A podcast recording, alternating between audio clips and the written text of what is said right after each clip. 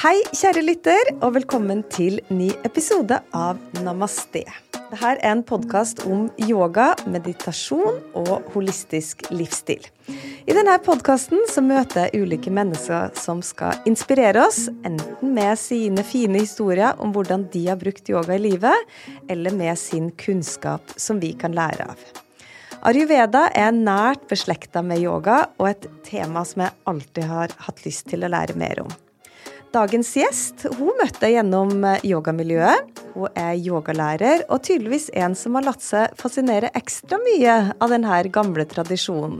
For nå kommer hun med bok om ayurveda, og da måtte jeg selvfølgelig invitere henne hit til meg. Jessica Winderl eh, hun er opprinnelig fra USA, så dette intervjuet blir derfor på engelsk. Men boka hennes er allerede oversatt til norsk, så er du en av de som liker å lese bøker eh, helst på norsk, så er det bare å glede seg til det. Men boka skal vi snart komme tilbake til.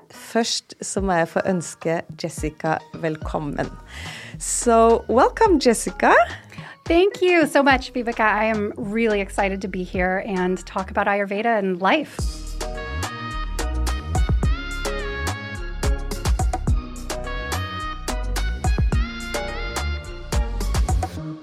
Thank you for taking the trip uh, to Oslo for the occasion. Yes, yes. I just drove here from Hemsedal, so I am ready to talk about yoga.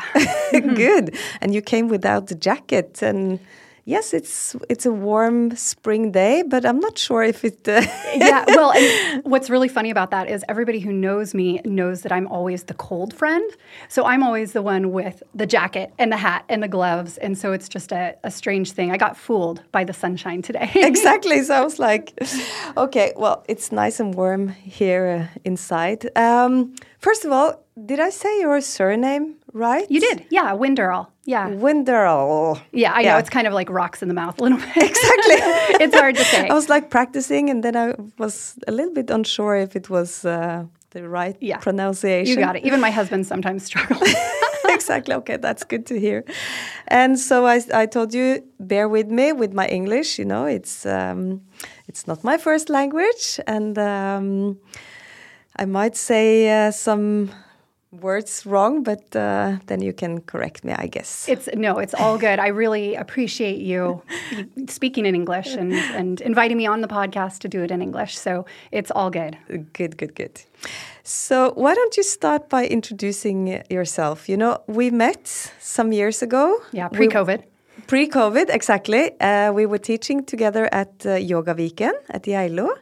But I don't really know much about you, so I'm so curious. Can you tell us who are you? yeah, well, I'll try. I'll yeah. try. Um, yeah, I'm Jessica, and I'm American. I, I grew up in the U.S., and I was really, um, I would say, a ski bum for a long time, and, and bounced around ski towns in the Western U.S. for a long time, and um, kind of came into yoga and Ayurveda in my mid 20s when I was sort of having a bit of I, I could say an identity crisis, or I like to say a spiritual crisis, where it's you know very confusing time, and I wasn't sure what I was doing with my life, and I was working in a law firm, and had gone and gotten extra education after my undergrad in the legal fields, and and I was like, oh, my heart is calling me somewhere else, and in this realm of of spirituality and self inquiry and yoga, and I want to just be free like when I ski on the mountains and and then yet I was told no you have to get a real job and have a career and work in the corporate industry and so I was really struggling and that's when I found yoga and my life changed like almost literally overnight and after that I moved to a little ski town in Utah called Park City, outside of Salt Lake City, where we had the Winter Olympics. And I was um, there. You were there. Yes. Oh, cool. yes. Actually. Yeah. yeah. So you know exactly where I was. And um, then, you know, I guess cutting to the chase, um, after I, I really sort of devoted my life to yoga and teaching yoga and started my yoga school, um, I was on a on a ski trip, surprise, and randomly met a very handsome young man in a ski gondola in Switzerland. And that man was Norwegian, and we are just about to celebrate our 10-year wedding anniversary. So moved to Norway about almost seven years ago after we lived together in the US. And I moved my yoga business here and am just teaching yoga and doing what I did in the US, but now here in Norway. And wow. that's that's the short story, I guess. that was a lot in a in a short uh, Yeah. story. yeah. Ever catch yourself eating the same flavorless dinner three days in a row? Dreaming of something better? Well, HelloFresh is your guilt-free dream come true, baby. It's me, Gigi Palmer. Let's wake up those taste buds with hot, juicy pecan-crusted chicken or garlic butter shrimp scampi. Mm. Hello Fresh. Stop dreaming of all the delicious possibilities and dig in at HelloFresh.com. Let's get this dinner party started.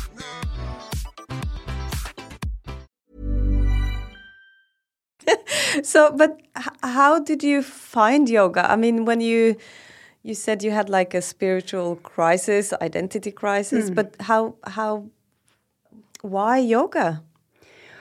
I had a friend of mine at the time, and she was also a ski bum. We were both ski instructors in Aspen, and she was teaching yoga, and we would have these amazing, like, philosophical conversations and talking about life and the way in which we view the world and how we wanted to show up in the world. And she just kind of looked at me one day and was like, Jessica, you're talking about yoga. And it was funny because my mother had done yoga forever. My aunt is a yoga teacher. So I'd always kind of been around yoga. And my mom had taken me to my first yoga class when I was 14, mm. asana class. And you know, I was a gangly 14 year old girl. I hated it. I thought it was boring and lame and all that stuff. So I hadn't revisited yoga again until my friend was like, I think you should try yoga. I think you're going to really like it because everything you're talking about is yoga philosophy. And that really got me diving into, oh, okay, I'll give this a second look. What is yoga? And started reading online, started, well, there wasn't so much online then, but started diving into books. And then I went to a yoga studio, took a class, and after I came out of that class, whatever it was, an hour, 75 minutes, I realized that in that that period, I hadn't thought about my life once. Mm. I hadn't thought about my problems or my issues or my concerns. And it was the first time I ever had that true peace of mind. Mm. And so when I came out of that yoga class and I was like, wow, I do yoga now. Mm. And it was literally that fast where that day I was like, this is my life now. And I haven't looked back since. So it was a very kind of fortuitous meeting where my friend was there and gave me that extra little nudge. And sometimes, you know, peer pressure works. Mm-hmm. and my mom, I, you know, when I did yoga with my mom, maybe I didn't think it was so cool because my mom was doing it.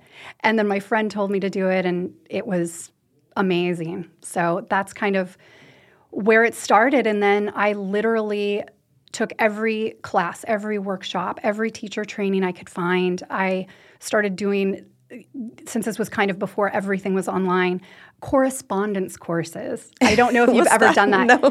so, a correspondence course, like at these schools, like Ayurveda schools, and um, some of the yoga courses I did.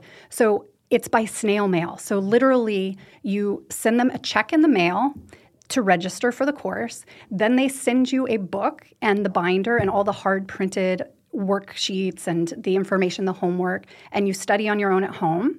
And then you send back in the mail your handwritten papers and homework. Somebody grades it, sends it back to you. So, this process, you can imagine, takes like months and months and months. But I started doing that. The, every course I could find herbalism, Ayurveda, yoga I was, I was in it. So, luckily, I was single, I was young, I could do what I wanted with my time, and yoga was it. That's what I chose to do. So, that was kind of how I got into it and haven't looked back since. That's fantastic. Well, uh, but what kind of yoga? Because you're a vinyasa teacher, right? But Yes, primarily, yes. yeah, tell me. I mean, what kind of yoga did you start with? Vinyasa. Um, so I because I was trying so many different styles and I've done certifications in different styles, but Vinyasa has always been what called me to the mat because I love the freedom of the practice. I love the individuality of the practice. I love the flowing, the breath to the movement part of the practice. And even when I would try other styles, I would enjoy them, and I still do enjoy other styles, but vinyasa was really what connected with my heart. Mm. And so that's what I chose to focus on. And then I also really enjoy restorative yoga. So, the calm practice, the practice of stillness and deep relaxation. And so, I would say those are primarily the two practices I do the most and that I teach the most. So, mm. hard, dynamic, sweaty vinyasa. I like to I like to work really hard when I'm on the mat, and then balancing that out with calm, cool, relaxing. Mm. That's good. But uh, so you came to Norway. You lived in Trondheim first, then outside of Oslo in Eidsvoll. Correct. And then you moved to Hemsedal. Yes. And you know, a couple of weeks ago, I had Rebecca Loos in my podcast. You know, she comes from abroad, she comes to Norway, and she moves to Hemsedal. What's the thing?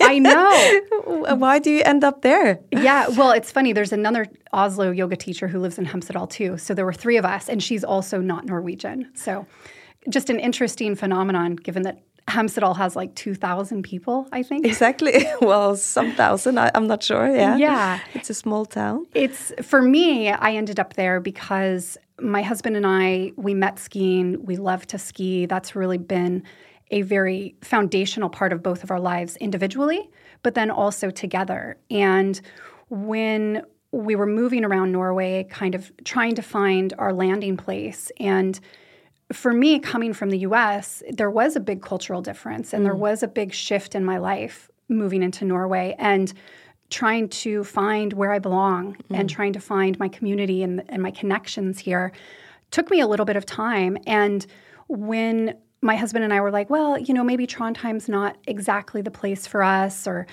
maybe Eidsvoll is not really the place for us. We just kept asking each other, well, so where? Mm. Where is our place? Mm. And I actually, funny story, have had only been to Hemsedal once before we moved there. It was in the summer, and we spent one night there. And I'm a common theme in my life is that I'm I love to move. I love to try new things. I'm very adventurous in that way. And so when my husband and I were in Eidsvoll and we were like, okay, this isn't it. And we were just about to have a baby. And then just after we had our baby, I looked at him and I was like, you know what? Hemsedal. Let's move to Hemsedal. It's a ski town. We know the ski culture, we know the ski community, the ski vibe. That's where we want to be in the mountains, close to nature. And we started looking for houses and we got so lucky because Hemsedal does not have a lot of homes to buy. Mm. And w- there was a house for sale, and we bought it within a month and had moved within a month, like our whole life. And we had a, a newborn, and it was the middle of COVID and the pandemic. And so I look back now and I'm just like, oh my gosh, we were a little crazy, but it was the right choice for us. And we're so happy there. And Hemsedal's an amazing place to raise children mm. and just to be in be in the mountains. So yeah, it was very much a whirlwind and also very in line with who my husband and I are. Yeah. So it's it's kind yeah, of funny. It sounds like you have kind of found your place, and you know, uh, like you tell me, with who you are and who he is. You know, it's like it's important that you both feel uh, that you're in the right place, and especially for you coming from uh, where you are and yeah. So it's uh, it makes sense. And Hemsedal is a fantastic place. So, you know, I totally get it. I come from a very small ski town near Trondheim. So I was like, have you considered Oppdal? but, you know, it's further away from, uh, from Oslo. And yeah. Anyway, that's uh, not important. But um, how, how do you continue with your teachings when you are there? Yeah, that's a great question because it is a bit of a struggle and it's a bit of a sacrifice. Mm. Um, I I travel a lot for work. I run my teacher trainings in Oslo, Bergen, and Trondheim. Mm. And so I'm working, as you know, most yoga teachers work on, on the off times when everybody else is off of work. So we work evenings, we work weekends, and my teacher training programs are always on the weekend. Mm. So I work on the weekends, and then I'm home in Hemsedal during the week with my family. So I'm traveling a lot more than I'd like to, and I'm hoping that I can find a way to sort of shift that in the future. I'm gone anywhere from four to five days every other week. And so it's a lot mm. for sure. But that's also part of my commitment and my passion to being a yoga teacher and training other people to become yoga teachers mm. is this is what I feel like I'm here to do. Mm. This is my dharma, this is my purpose, this is my calling. And so I'm willing to make that sacrifice at least for a while. I've I've done this for so long, but now my son's two and a half and I want to be home more with him. Mm. But finding that balance is certainly tricky because being a yoga teacher is kind of a weird job. it is, and it's it's re really hard to survive. You know, working like a full time yoga teacher. So I really admire you guys because you know I don't do that. I have different jobs. I love teaching. It's it's really one of the most wonderful things, you know. But um, at the same time, I've never chose to kind of dedicate myself to only teach. So I really admire that because it's hard work. It's a lot harder work than people think it is. Mm. They see from the outside this very kind of cool, almost glamorous job. of Like, oh, you just work in your stretchy pants all day and you show up and you're so zen all the time. And the reality is that's not exactly what mm. the job is. There's a lot in the back end that people don't see and a lot of hard work. And to be a full time yoga teacher, you have to really want it and you have to be willing to make those sacrifices and grind and show up. And I do it because I love it. And this is what I want to be doing. So I do it, but it's hard for it's, sure. But and it's it's fantastic, you know, that uh, somebody is willing to do that. You know, so let's move over to Ayurveda.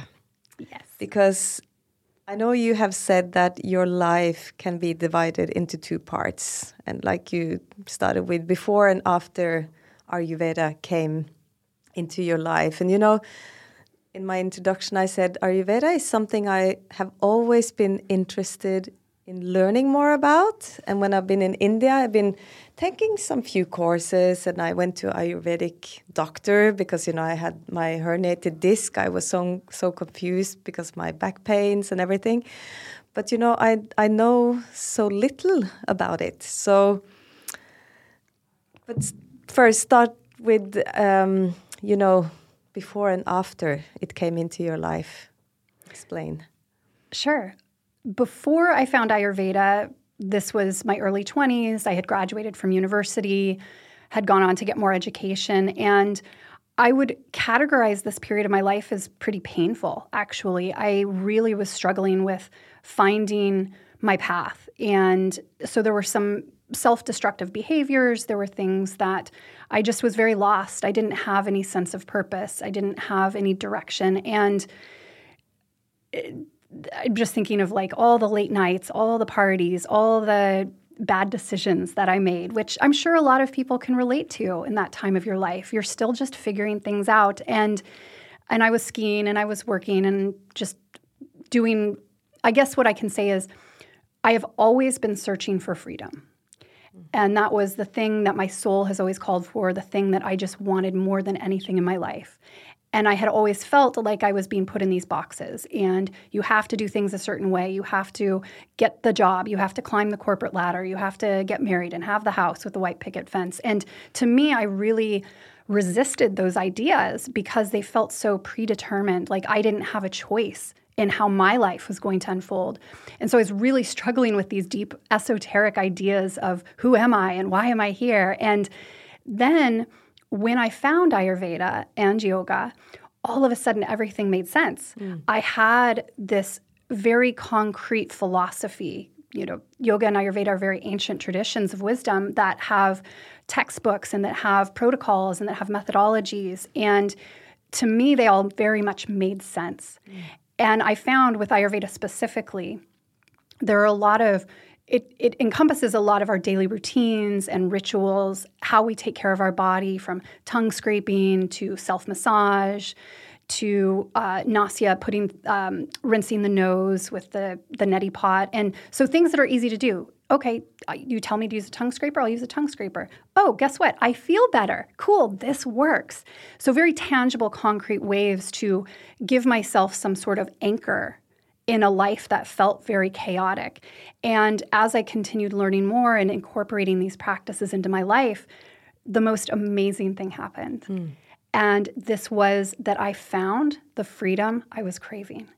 And I was working with somebody at the time and she in my in my later mid late 20s and she was really trying to have uh, help me explore the idea of freedom through discipline. And at first I just I was like hold up. Discipline's such an ugly word. Mm. i don't i don't want discipline. I want freedom. I want to do what i want to do. And so then i started diving into this concept a bit more and i found that this is exactly what yoga and ayurveda teach. When we have good routines when we go to sleep at the same time every night when we eat our food at the same time our body feels good. Our nervous system relaxes. And then all of a sudden, we're able to navigate the ups and downs of our daily life, the challenges of our life, in a way that feels very graceful and very balanced. And so for me, that's why I say my life was very different before Ayurveda and after Ayurveda. Mm. Finding and incorporating these practices into my daily life gave me the thing I was searching for the entire time. Mm. But so you know, it might be some listeners now that don't even know what Ayurveda is. So maybe we should just start by explaining. How would you explain if someone asks you, what is Ayurveda? Yes, it is a holistic healing modality from India originally. And what's very cool about it that a lot of people don't know is that it's actually older than traditional Chinese medicine. It's the oldest medicinal system in the world. Mm. And Ayurveda is based on the rhythms of nature. So it's very holistic in the way that it's organic, it's natural. And the entire idea is that each and every one of us is an individual.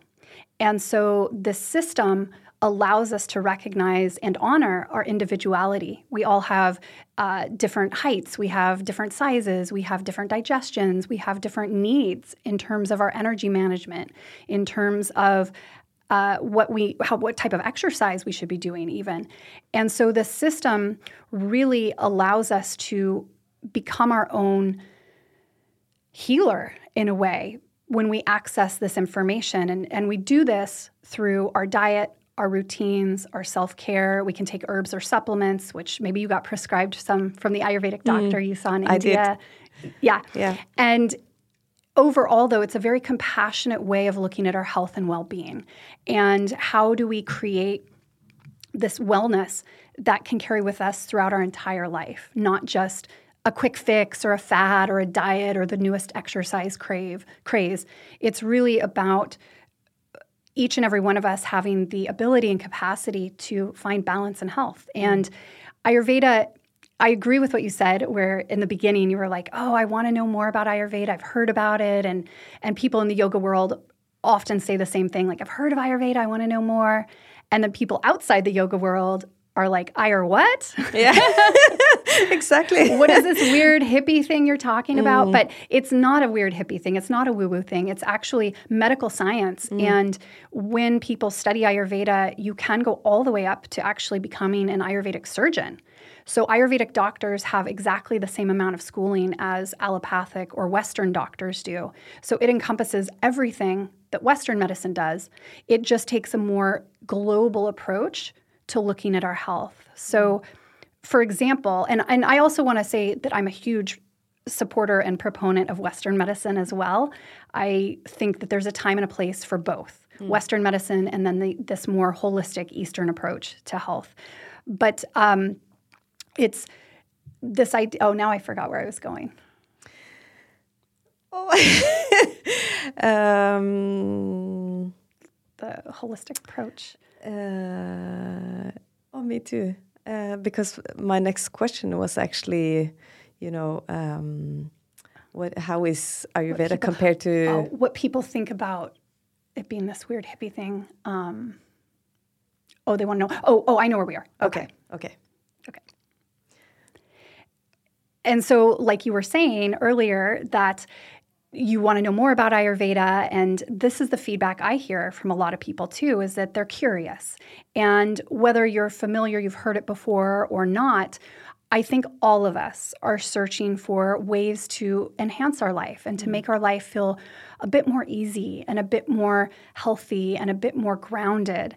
And so that's really why I wrote my book is so that it's it's kind of this it's designed to be this introduction a guide to how can we as people who maybe don't know much about ayurveda start to learn the basic concepts and then start to integrate them into our daily life. And so that's one of the things that i'm super passionate about is ayurveda is for everybody it's not just for the yoga people in India. It's not just for the people who are really dedicated and rigid in their routines. It's for the modern human who has bills to pay and has children to take care of and has a job to go to and that's what this practice is all about is how does it support or how can it support our life in the way that our life already looks mm.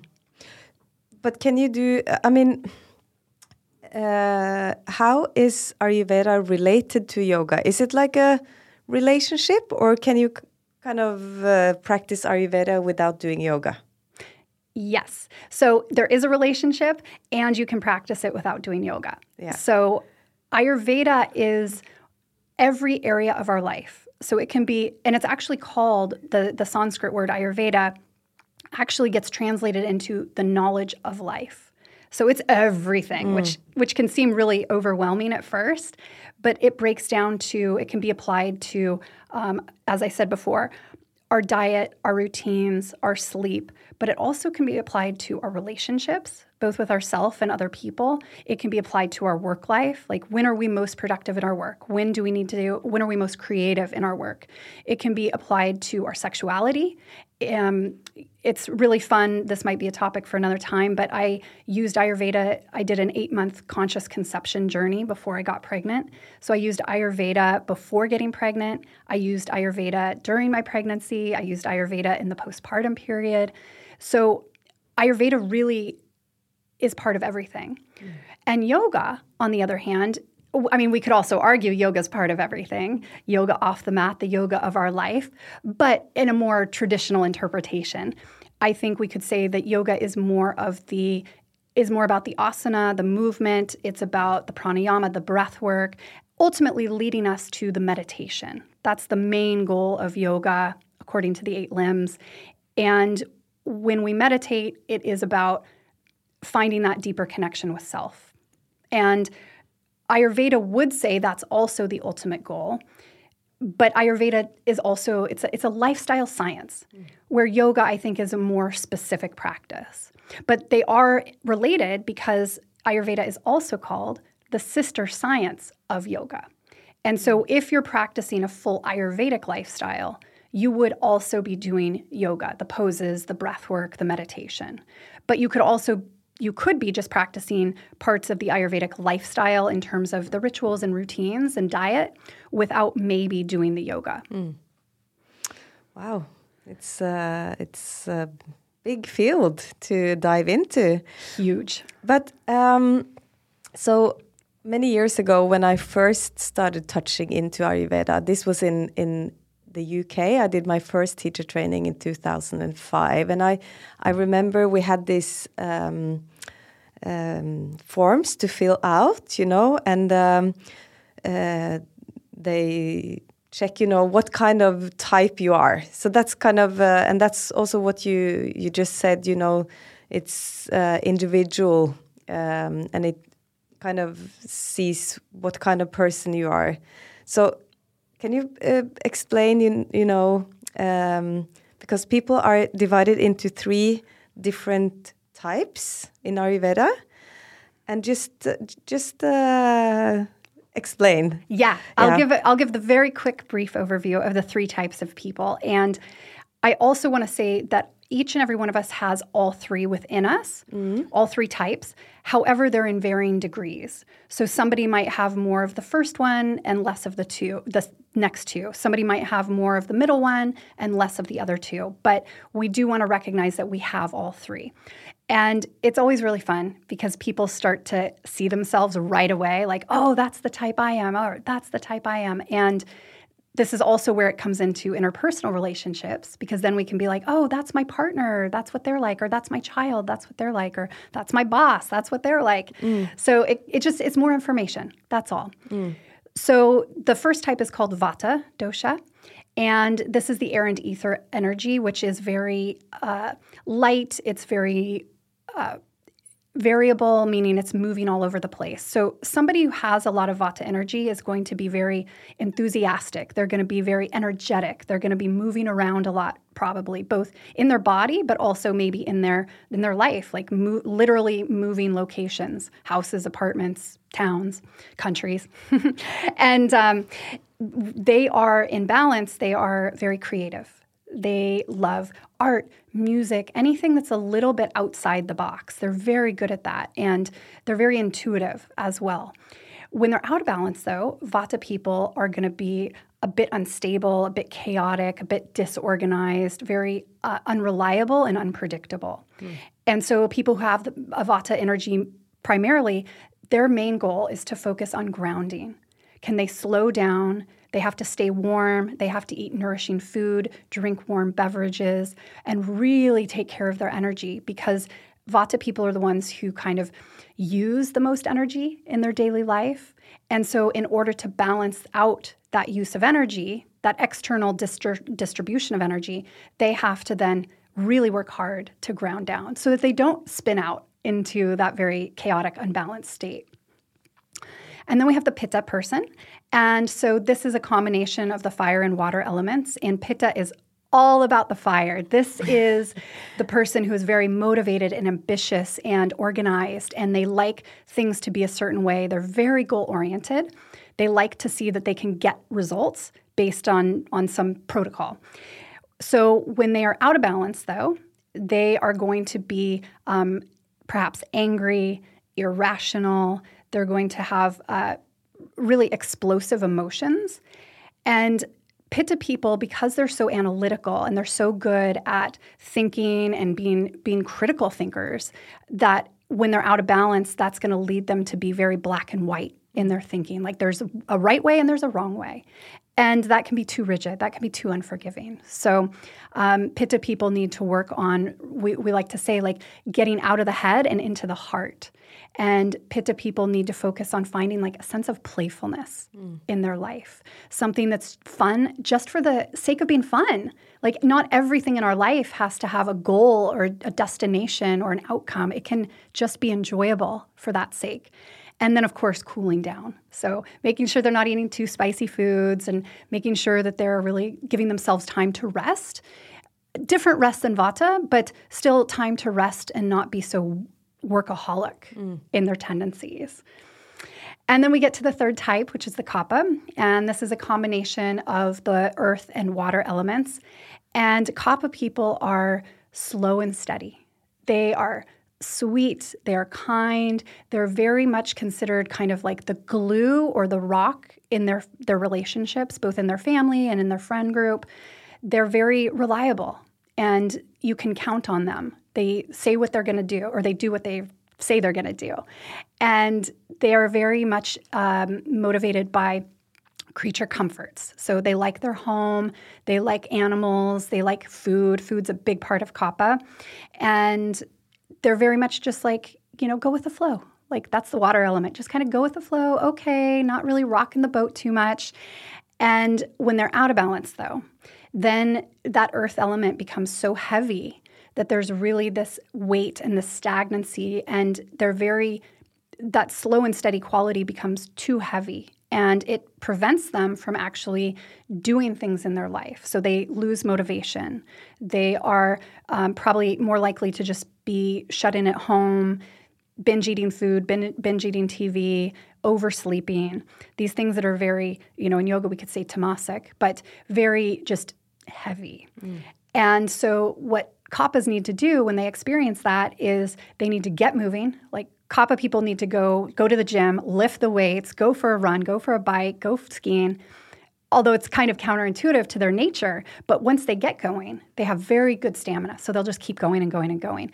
And kaphas should be eating the spicy food. They should be really varying their routines and trying to get out of that rut that they're in if they're out of balance. Mm. So, those are the three general types. Again, a very brief overview, but I think people can probably start to see a little bit of themselves in one of these. Well, I can see myself in all of them. So, so how, how do you find out what kind of type you are? Because you said you always have like combination, but how how do you do this? Like I said, I got a form many years ago. I just remember, and I was like, hmm, oh, am I like this? Or you know, and I remember getting a little bit like unsure. So I was like, oh, maybe someone else should help me to tick the boxes. So how can you can you find out? Do you have to go to like a Ayurvedic consultant or can you do it yourself?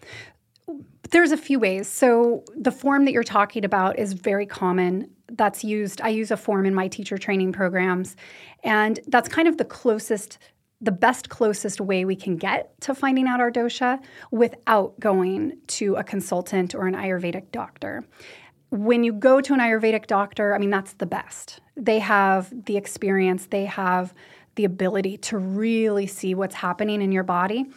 And not all of us are going to be able to do that, especially in Norway, where there's a very, very limited number of people who offer that service. And so, then the best way, or I guess the most accessible way, I'll say that most people probably try to find their dosha is an online quiz. Mm. And that's hard because some of the quizzes are really good and some of them are very basic. So it's hard to know exactly if what kind of an answer you're getting, if the answer is correct.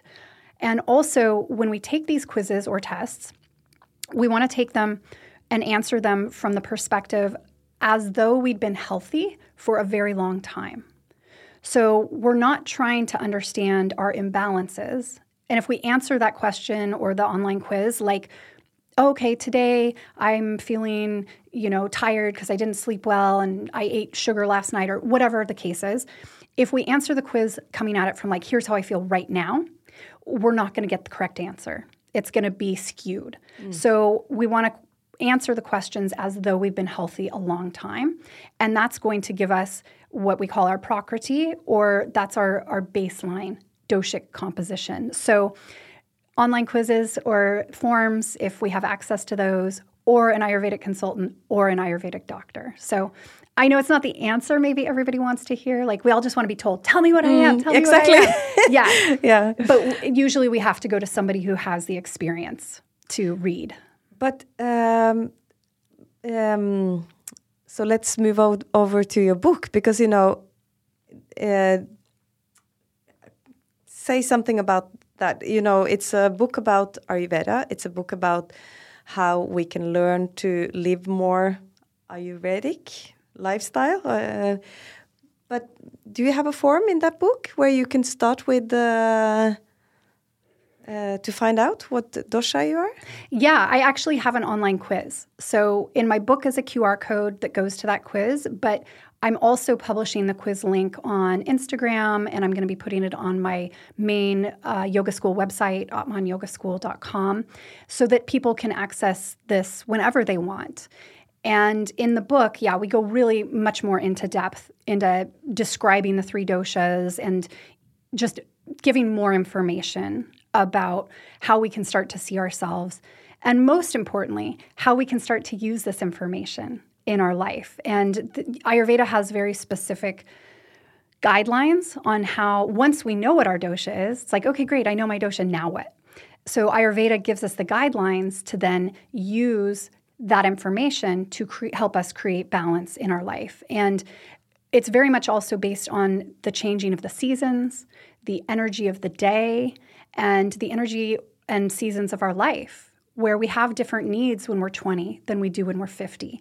And we have different needs at 10 in the morning versus 10 at night. And we have different needs in the spring than we do in the fall. Mm. And so Ayurveda explains all of this. And it's a very beautiful, intuitive way for us to kind of take control of our health in ways that are very easy. I you know, for example, like what time you should eat breakfast, what should you eat for breakfast, how do you take care of your body, and also starting to notice your energy, which I think most people struggle with.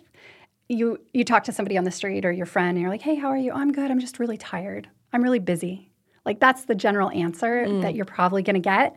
And so Ayurveda really believes in this idea of longevity in health and also vibrancy in health? Can we be radiant when we take care of ourselves and take care of our energy? And so my book covers a lot of this. And I mentioned this before, but I'd like to reiterate it just that my book is really designed to be for everybody. It's mm. not just the yoga people and has very specific tips, very specific actions that everybody can start to take today mm. when you start reading my book and information that I hope will make your life better.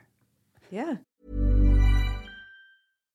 One size fits all seems like a good idea for clothes until you try them on. Same goes for healthcare. That's why United Healthcare offers flexible, budget friendly coverage for medical, vision, dental, and more. Learn more at uh1.com. Hold up. What was that? Boring. No flavor. That was as bad as those leftovers you ate all week. Keke Palmer here, and it's time to say hello to something fresh and guilt-free. Hello Fresh. Jazz up dinner with pecan-crusted chicken or garlic butter shrimp scampi. Now that's music to my mouth. Hello Fresh. Let's get this dinner party started. Discover all the delicious possibilities at hellofresh.com.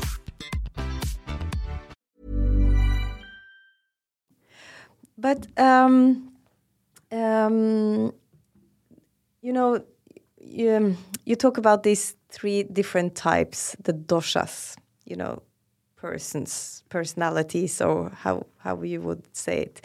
Um, and if we relate it to yoga, should the different dos, doshas, I'm not even sure if I uh, spell it uh, correct, um, should you practice different type of yoga when you're like because you know i'm like i'm i've always been practicing ashtanga. And if i realize that i'm uh, uh, i have a dosha that maybe requires that i should only do yin what do i do? I mean do you understand what i, I do ask? i do. Yeah. absolutely. And i do have i do talk about this in my book because it's a great question and a lot of people wonder. And it's very interesting for you and I as teachers, when we start to understand this information, to see the students who come to our classes. So, in general, um, the rule in Ayurveda is we always balance through the use of opposites. So, if we experience too much of the vata energy and we're feeling really ungrounded, then we have to slow down and ground. If we're experiencing pitta energy and it's just like we're really fired up and we're really aggressive and we're really like, you know, go, go, go, go, go, then we need to like slow down, but also finds a sense of coolness in our body so that fire is not so hot. And then kaphas in general, um, you know, when they're feeling this like lethargy and they're unmotivated and they don't really want to go do anything, like they have to find a way to get going and get motivated. So, how this applies to the yoga practice is so fun because we see primarily in the styles of yoga that you and I teach, Ashtanga and Power Vinyasa, that the people who come to these classes are going to be Pitta and also Vata. And Pitta, that's fine. Like they they are attracted to the the form and the fact that they feel like they're getting a workout and they're sweating and they're moving their body and they're building muscle. And and the vatas, it's fine for them too, except they get tired so much more easily and so much quicker. And so really, and then the kaphas, the, the joke is kaphas are the ones who should be going to Ashtanga or Power Vinyasa, but they don't. So kaphas tend to gravitate to a yin practice, which is slow, grounding. There's no real effort required.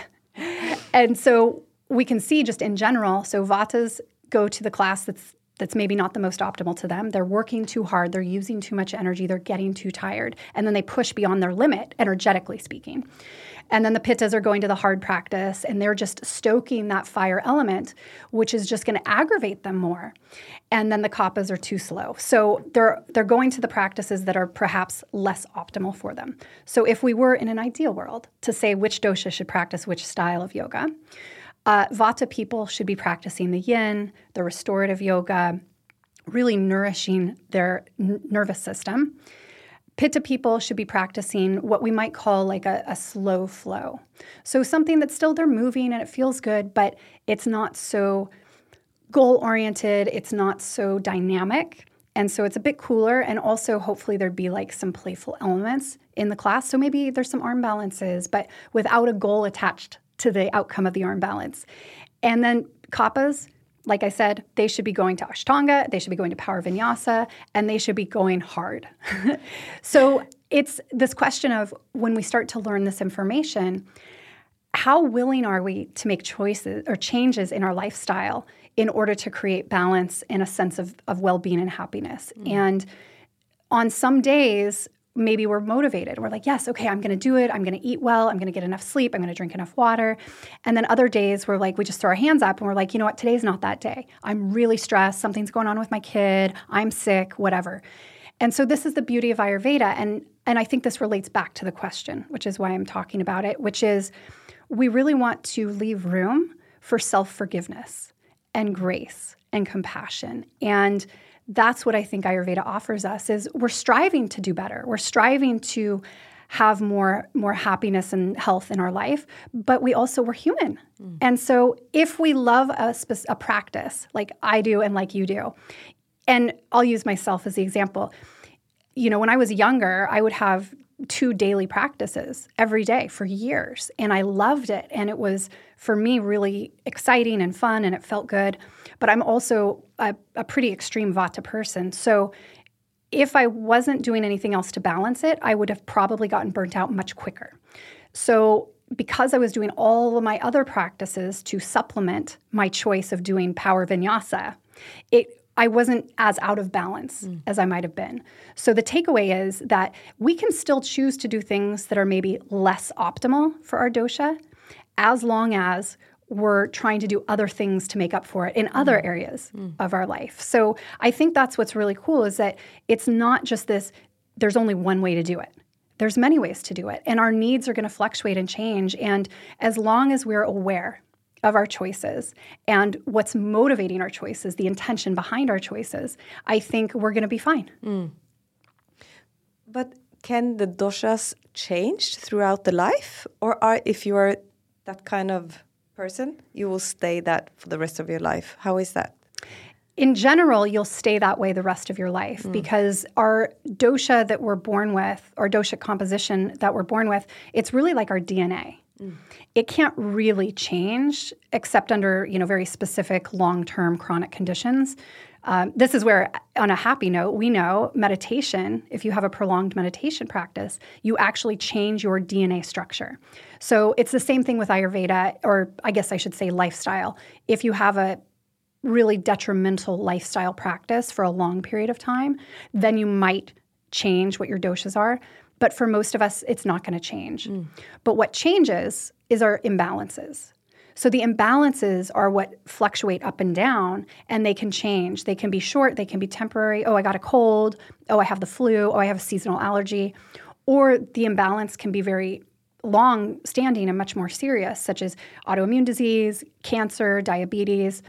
And so that's what's going to change based on the or I guess the dosha of that imbalance would change. But our baseline is not going to change. Mm.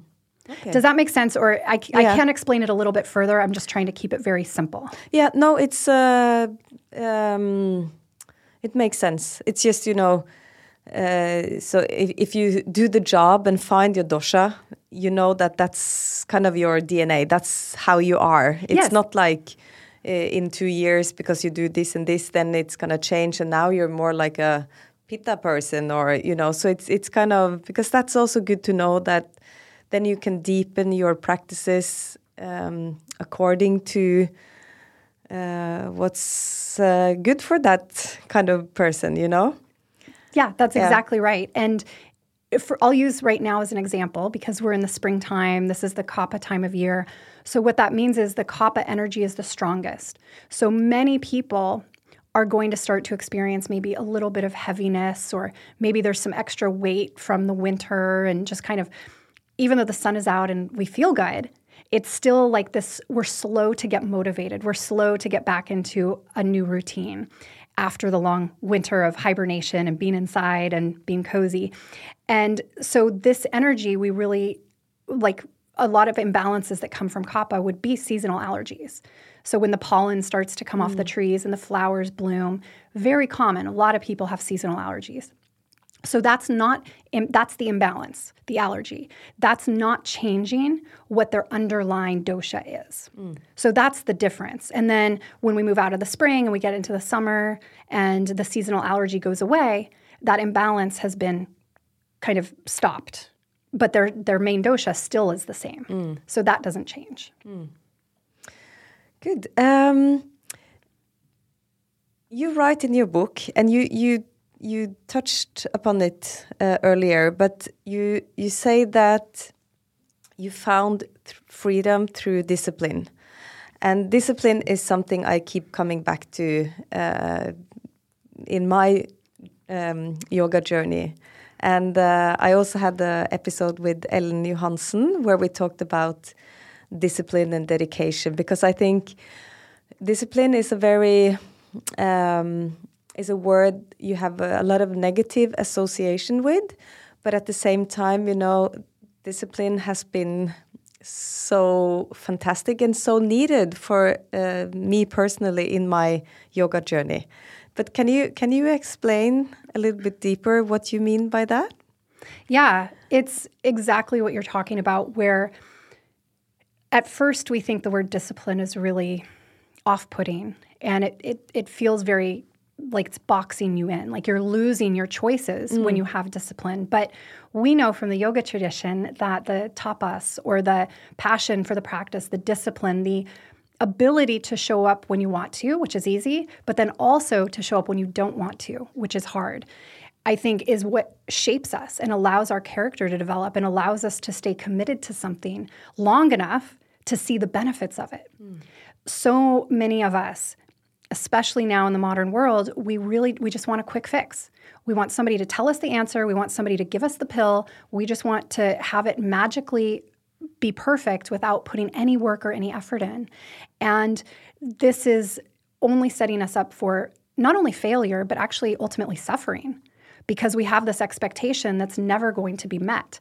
And we are required to take action in our life in order to find that that space of peace that we all crave inside. And so discipline, I love discipline. I think it's an amazing topic not only to talk about but also to observe in our own lives where we're able to hold the line with keeping ourselves accountable, mm. accountability, a huge part of it, but then also where perhaps um, it is necessary to step away from the rigidity of the discipline.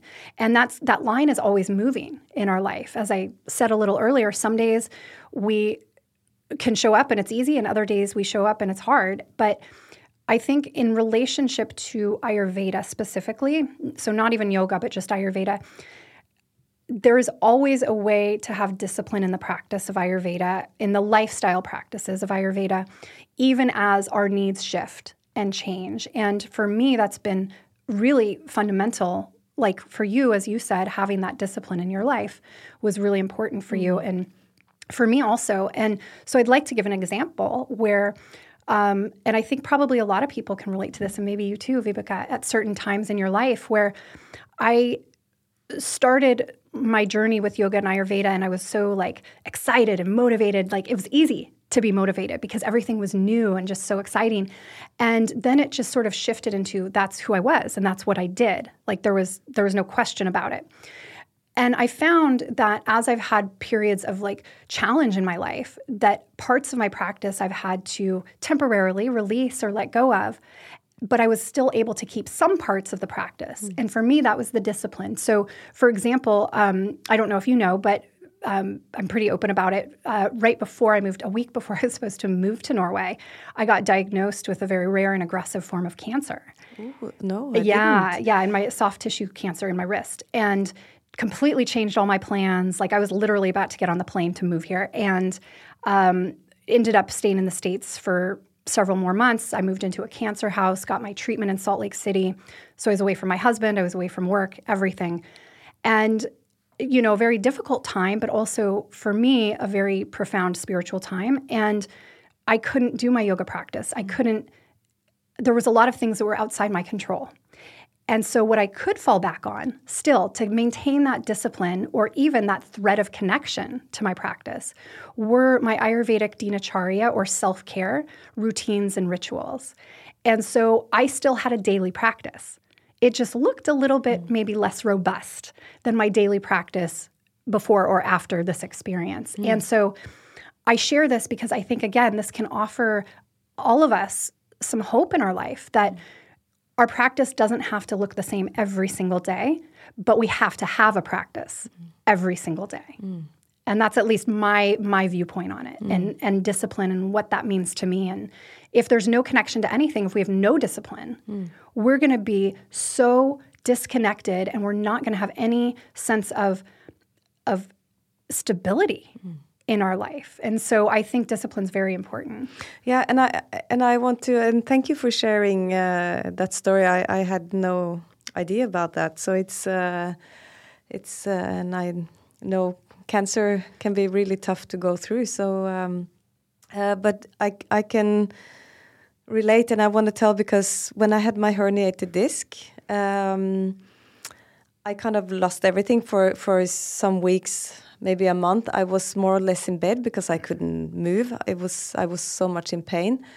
Uh, and I got sick at the same time because my immune system was down. You know, everything was down. So anyway, but when I got better and I, uh, I, I kept practicing, and of course I didn't do an Ashtanga practice, but at that time I went to a studio. It took me like 25, 30 minutes to drive from my house to the studio, and I I drove every morning I went to the studio, so the same studio as I used to before the the herniated disc. Um, uh, well, it was there for a long time, but you know when it hits, kind of it, yeah.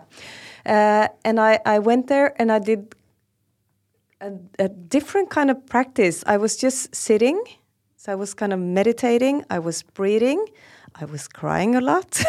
I was lying in shavasana in in different variation because you know I couldn't really lie flat on my back. But anyway, I was, I kept a routine. I kept like um, a disciplined routine, and I, I think that saved me in that period of my life because it was so hard for me. It was like mentally, and you know, also um, being stopped from your um, physical practice which I'm very dependent on, you know, because I've been doing this for so many years and I love it. So it's like, and it's my way of exercise. It's, but I think, and it's, I'm so glad that you're saying this because, you know, uh, I think it's so important for people who experience different uh, struggles in life. If you have routines, if you have that discipline to something and you keep going, you can change it, but still keep going. I think it's it's like a uh, life anchor, or how do you say it? So it's uh, I just I just wanted to um, relate to it. So, but um, and let, us move on to because uh, if you're not able to do like the um, uh, physical practices, like we talk about like asanas or yoga or the uh, because self care is a large part of our Ayurvedic approach. Um, and I know, and I will, um, uh, um, how do you say? I lose my words here now. Um, uh, you know, I'm to tell people to read this book because, you know, I get, guess there is a lot of tips there. But can you say some tips for self care, like in the Ayurvedic approach? Yeah. I can share my top three favorite mm -hmm. tips if mm -hmm. you'd like. Yeah. Uh, so the first one I've already kind of talked about a little bit, but I can explain it more. And this is tongue scraping. So this is it changes your life. Um, you use either a copper or stainless steel tongue scraper, and it, it's like this U-shaped little metal device. And you can find them everywhere. You can buy them online. They're very cheap. And first thing in the morning when you wake up, before you brush your teeth, before you drink anything, before you eat food, you stand over your sink in the bathroom and gently scrape from the back of your tongue forward. And a lot of people don't know that the tongue is the largest detox one of the largest detoxification organs in the body. And so overnight when we're sleeping, there's kind of this film or this coating that comes up onto the surface of the tongue. So in the morning, if when we remove that, we're just kind of helping our body with the detoxification process. Versus if we don't do that and we go and we drink our coffee and we have our breakfast, we're just kind of like reabsorbing yeah, that toxic matter back into uh, the digestive tract. And once you start doing this, you notice a huge difference. I was talking with somebody yesterday, and she said as soon as she started doing tongue scraping, she hasn't been sick since. It's been two years for her. Wow. And you know, of course, that could be a variety of factors, but it's just one way that we help our body clean itself is using a tongue scraper. It's super easy, takes 30 seconds, if even that, in the morning. Then I would say my second favorite uh, way to take care of the body is dry brushing. Dry brushing. Dry brushing. Yeah. Have okay. you done that before? Uh, yeah, I think so many years ago. yeah. I think I lost all these uh, routines or this. Yeah. Yeah. Yeah. Which happens. You know, you have to kind of be you have to have them out on your sink. You have to see them. I think it's easy to forget if you don't have them around you. But um, a dry brush is just, and you can buy these in Norway. They're in many, many stores, many places. Um, it's a brush smaller than a hairbrush, and the bristles are a little bit firmer. And you do uh, dry brushing. So you stand in your bathroom naked and you just do um, s- gentle strokes with this dry brush on your skin. And you start at the feet, you work your way up towards the heart. And on the flat bones, like the shin or the arm, you do these short strokes upward. And then around the joints, you do a circular motion. And we do this for several reasons. It's uh, stimulating the circulation of the body, which is really great. It's helping to drain the lymphatic system. It's exfoliating the skin, so brushing off all the dry and rough skin that we have. It helps to prevent cellulite and it's uh, preparing the skin for the next step, which is my third favorite Ayurvedic. T- well, these aren't in any order. My it's number three, but it, they're all the same. They're all my favorite. uh, for the third tip, and this is Abhyanga or an oil massage, self massage that you give yourself, and this is probably this and tongue scraping for sure or what has have saved me during these difficult challenging periods of my life. And they're non-negotiable. I do these every single day and i have for 16 years. And um, so what we do with the abhyanga or the massage is you can warm up the use like sesame seed oil. And so we want cold pressed unrefined organic so this is not the toasted sesame that you would cook with in your kitchen mm. And if you don't have access to sesame seed oil, then you can use like olive oil. You can use, for some pitta people, they could use coconut oil, but vata people should not use coconut oil. So there's different types of oil you can use. And you either warm it up, just put it, warm up a pan of water, and then put the bottle of oil in it, or pour out a little bit of oil, put it in like a coffee mug, and then put the coffee mug in the pan of warm water. Or if you don't want to warm it, it's ideal to warm it, but if you don't, that's okay. Just have it in your bathroom. After you dry brush, you just squirt a little bit into your hand. And same thing, you're working, massaging the oil into your body from the feet up towards the heart. And you can use these, that same like um, short stroke motions on the long bones and then circular motion on the joints, the elbows, the knees, the hips, the belly. And this is so awesome. It is so nourishing for the nervous system. And for many people who experience just stress and anxiety, this is one of the best holistic ways to immediately kind of calm your energy and lower the shoulders and just be like, ah, okay. Wow. And it's amazing. It's fantastic. And it also is very moisturizing for the body. And this is important because for us living in Norway, we live in a naturally vata climate. So it's cold, it's dark, it's windy, it's dry. So that means the vata energy is already very high here. And so we have to work, according to Ayurveda, we have to work extra hard. Anybody, not just Vata people, but every person in Norway should be working hard to balance that, that Vata energy by grounding, slowing down, moisturizing. And so Abhyanga is a great way to accomplish that and keep the skin healthy and mm-hmm. beautiful and just feeling good. And so this massage you can do either before you shower, and then it's great. You just hop in the shower, the water just rinses the oil off. You don't need to soap. You just can soap, as we say, the important parts. Okay. and then and then you put your clothes on. You pat dry and put your clothes on afterwards. Mm. And you could do this either at night or in the morning, depending on when you like to shower or how you're preparing for your day and your routine. But those are my top three tips. They're awesome. Everybody should do them. It sounds amazing, and and I must admit, I I have used the tongue scrape for periods of times.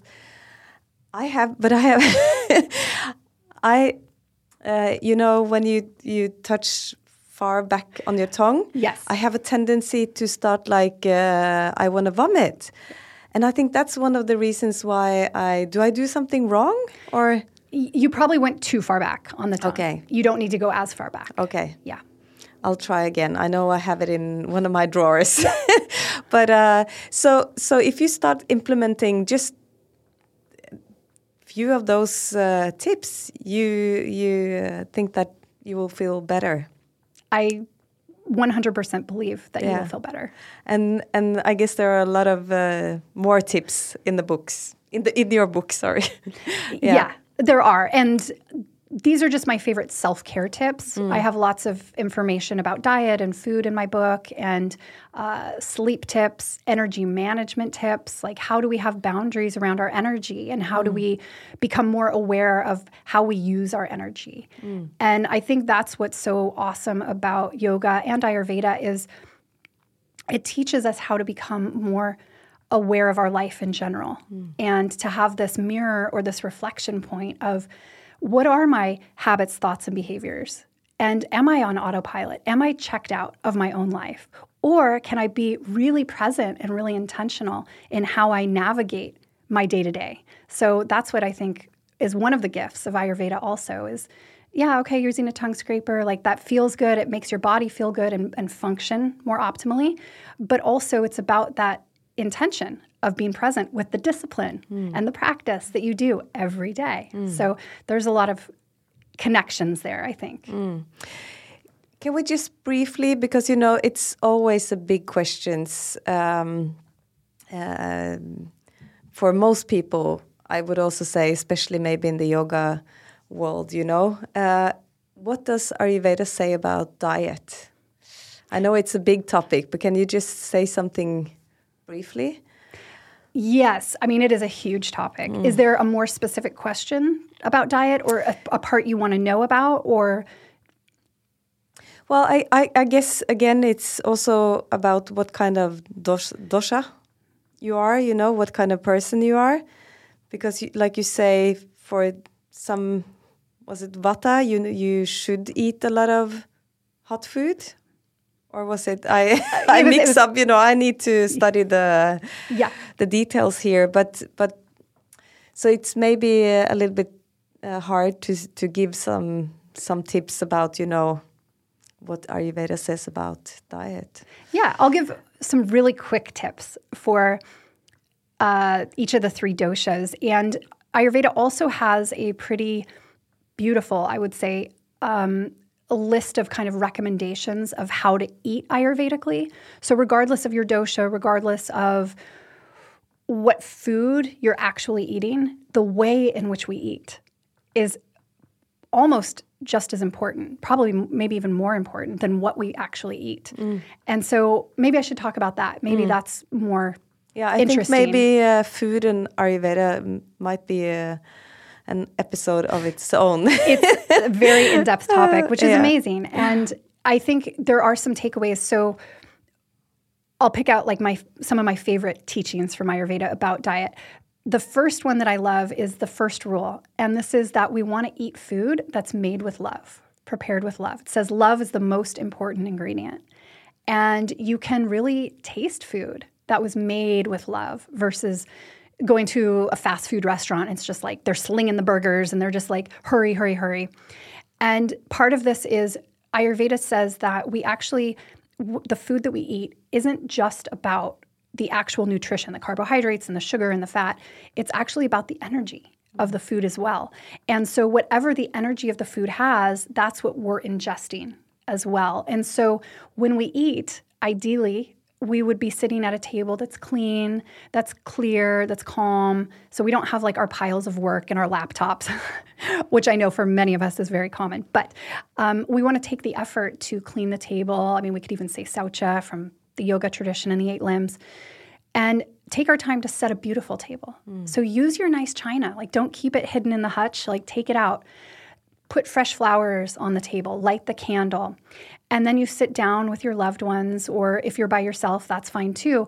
But we want to do it intentionally. So turn the TV off, turn the radio off, put your phone away, stop scrolling. Maybe you have some nice, pleasant music in the background, but in general, we don't want to be distracted mm. when we eat. And then you really pay attention to your food. So looking at the food, saying thank you to the food, ingesting and enjoying this beautiful meal that's nourishing your body. And maybe we're sitting with friends or family and we can have pleasant conversation and talking about nice things.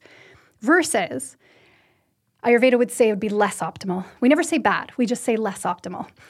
Uh, to sit down and have your meal and be, say, fighting with your spouse or being angry. You get a work email and you're you know upset at your boss and you're just like fuming you're like in your mind planning the email you're going to send back and and you're you know, shoveling your broshiva into your mouth at the same time.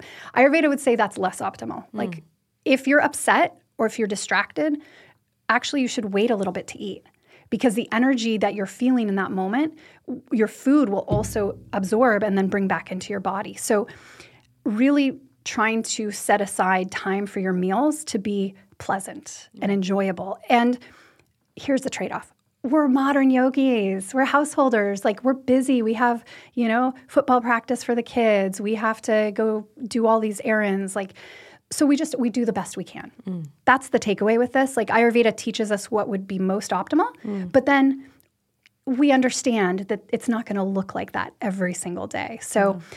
preparing food with love eating in a clean calm beautiful environment and then, of course, eating fresh food that's local, organic, and in season. Mm. But that one can sometimes Op- be tricky. Too. Optimal. Optimal, yeah. yes. Ever catch yourself eating the same flavorless dinner three days in a row? Dreaming of something better? Well, HelloFresh is your guilt free dream come true, baby. It's me, Keke Palmer. Let's wake up those taste buds with hot, juicy pecan crusted chicken or garlic butter shrimp scampi. Mm. Hello Fresh. Stop dreaming of all the delicious possibilities and dig in at HelloFresh.com. Let's get this dinner party started.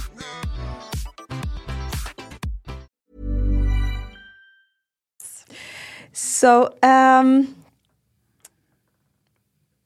I am very curious to hear or learn more about this. I can't wait to to uh, hold your book in my hands.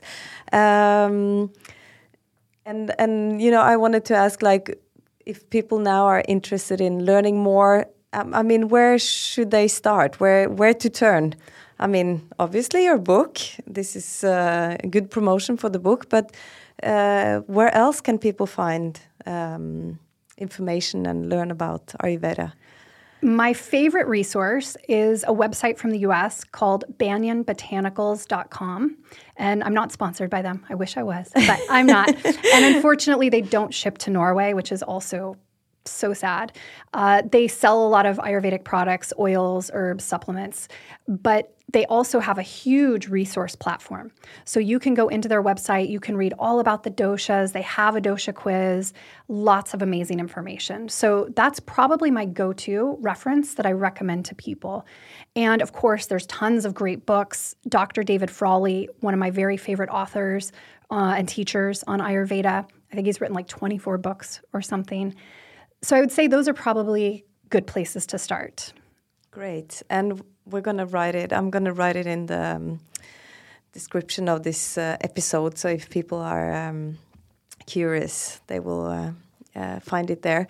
So when is your book coming? Well, it just had the pre-sales start on Monday, and the book comes out, launches officially May 8th. So people can buy the book right now, pre-order, pre-sale, pre-sales, and I have lots of good bonuses that they get with that. Uh, I'm giving away some Ayurvedic self-care bundles. I've got an amazing super bonus digital download. lots of cool stuff. And then the book comes out May 8th. And so then it'll be just in bookstores and yoga studios and in a lot of places. Fantastic. So let's end with my always question, my, my regular question. How do you say? Um, what is your best tip, your life advice, anything that we can take away from this conversation? I think this conversation and just if I had to sum up what my life advice would be just in general is practice kindness.